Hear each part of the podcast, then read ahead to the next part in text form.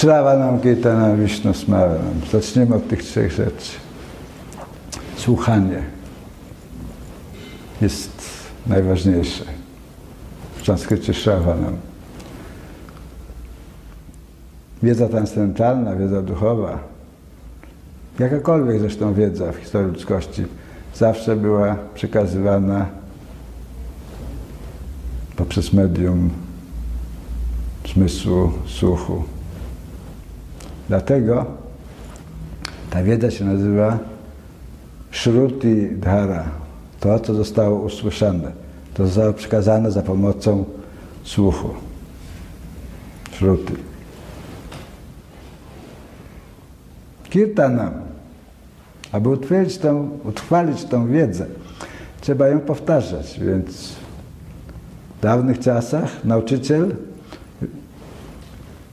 wygłaszał jakąś frazę i, czy jakąś myśl, a jego uczniowie mieli to imitować, powtarzać. Aż do punktu, kiedy zapadnie im to całkowicie w umyśle i z łatwością w każdej sytuacji życiowej będą mogli przywołać to, co usłyszeli od nauczyciela, to, co jest ważne. Kirtanam. Śpiewać, imitować, recytować. W zależności od kontekstu tłumaczy się to słowo. A to wszystko ma prowadzić do trzeciego ważnego określenia, które wymieniłem wcześniej. Wisznu Smaranam. Wisznu, Bóg. Określenie Boga. Smaranam, zapamiętać, rozpamiętywać. Też w zależności od kontekstu, raz jest tak, raz tak. Jednakże głównie chodzi o to, że dzięki temu, co usłyszeliśmy, dzięki temu, co utrwalaliśmy, czy powtarzaliśmy, efektem tego ma być kontemplacja poprzez rozpamiętywanie. Ponieważ kontemplacja to jest absorpcja, pełne pogrążenie się w jakąś myśl, jakąś opinię, cokolwiek. Dhyana, w sanskrycie medytacja. Samadhi, kontemplacja. Także w zasadzie na ścieżce duchowej wszystko, co robimy, ma nas doprowadzić do tego stadium, do tego etapu, który jest określany jako samadhi. Czyli pełna absorpcja, pełne pogrążenie się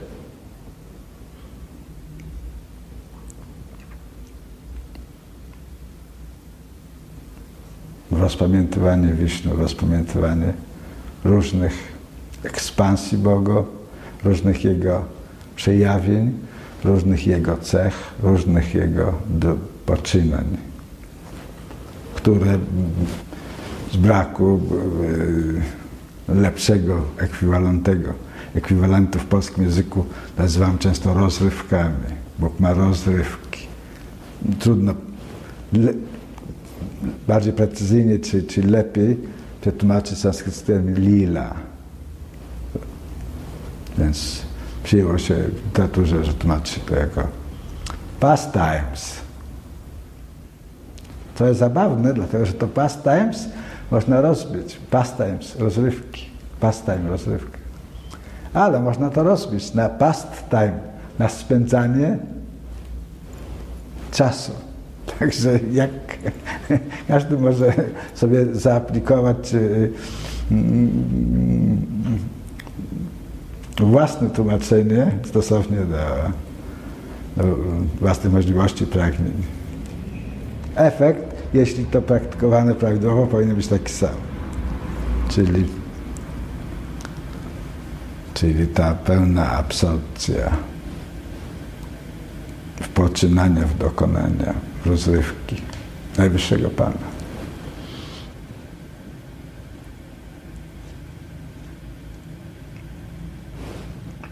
My należymy do takiej linii filozoficznej, która się nazywa wisznuizmem bengalskim. Gaudia. Od Gauda, nazwy krainy geograficznej w Indiach. Od Bengalu. Zarówno wschodniego, który, którym jest dzisiaj Bangladesz, jak i zachodniego, którym jest indyjski stan, Bengal Zachodni. Dlatego, że y, y, y, ta nauka powstała w Navadvip w XV wieku. Wraz z pojawieniem się Sri Krishna Chaitanya Mahaprabhu, XV-wiecznego mistyka, nauczyciela, który przez nas, przez jego czcicieli uważany jest również za awatara, za przejaw najwyższego, ekspansję Wisznu. Nawadwip znajduje się w Bengalu, w związku z tym szkoła filozoficzna, która tam powstała, myślana jest jako szkoła bengalskiego wisznuizmu, który ma określone różnice w stosunku do innych odmian wisznuizmu, ponieważ takich jest na terenie subkontynentu indyjskiego wiele. Istnieją przynajmniej cztery główne inne szkoły, w zasadzie pięć. Szkoła Madhwy albo Madhvachary, szkoła Ramanuji, szkoła Nimbarki, szkoła Vallabhachary albo Wisznu-Swamiego. To są takie cztery główne prądy myśli wisznuickiej, które łączy ze sobą to, że celem ich praktyki duchowej jest bhakti, jakkolwiek ze względu na specyfikę regionu, jak i osobę Y, aczari, nauczyciela albo, za, albo y, założyciela linii jest inne rozumienie tego, jak kim jest Najwyższy Pan i, i, i w, jaki sposób się przejawia w tym zamanifestowanym świecie jak powinno się go czcić. My Gaudijowie czcimy Radę i Krishnę za pośrednictwem Chaitani albo Gaurangi, złotego awatara, tej osoby, która swoim życiem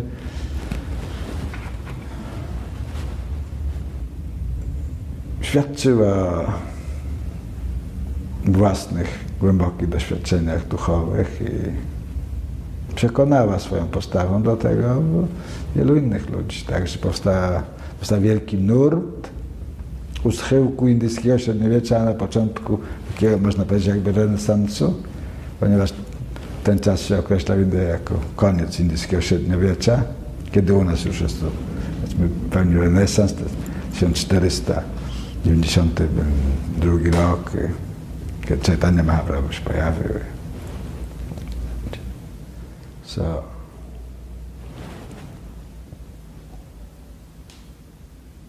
Shravanam Kirtanam Vishnu Smaranam. Zaczniemy dzisiaj od, y, y, y, od tych trzech rzeczy. Będziemy śpiewać mantry poprzez to, że ja będę śpiewał, a wy będziecie później powtarzać ze mną.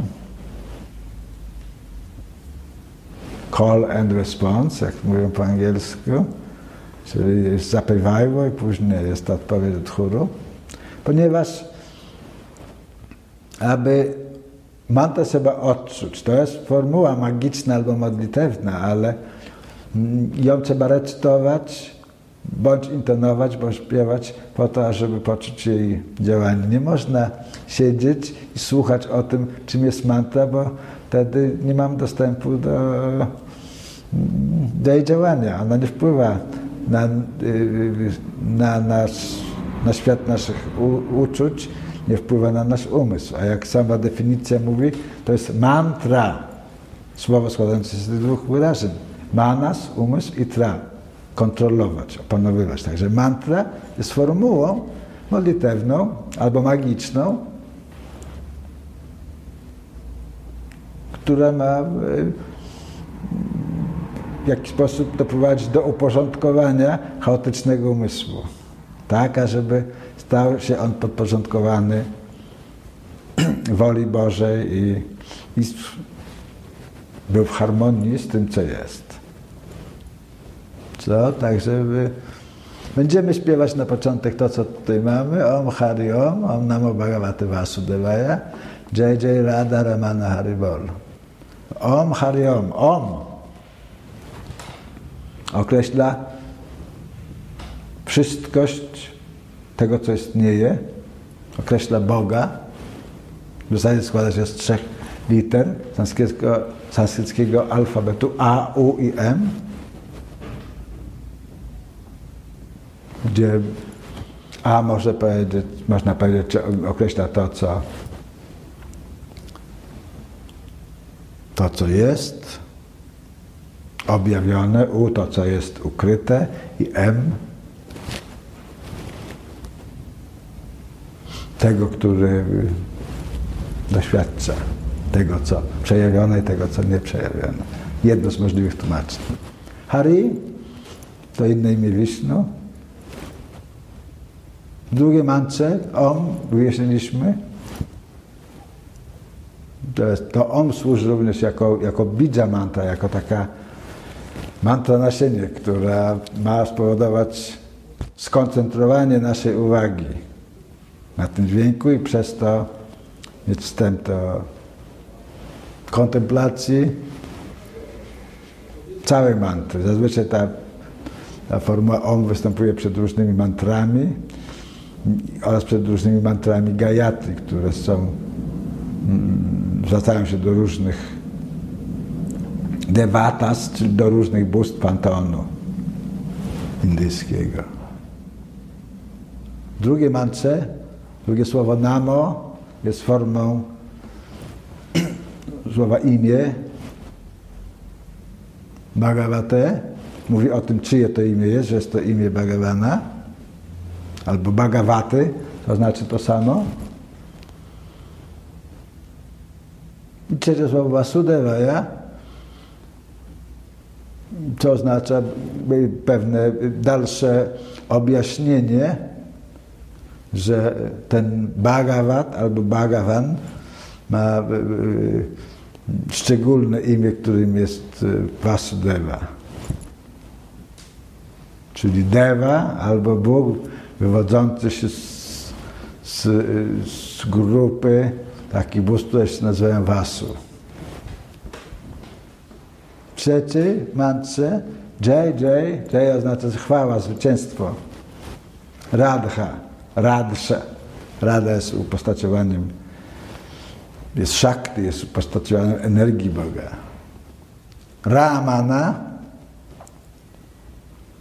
jest słowem, które opisuje, że yy, naturą Boga jest pełnia szczęśliwości. Ramana, znaczy najwyższa przyjemność, szczęśliwość. Haribol. Hari, objaśniliśmy wcześniej, oznacza imię Wisznu. Bol jest skrótem od słowa bolo, śpiewać. To Haribol, znaczy śpiewajcie.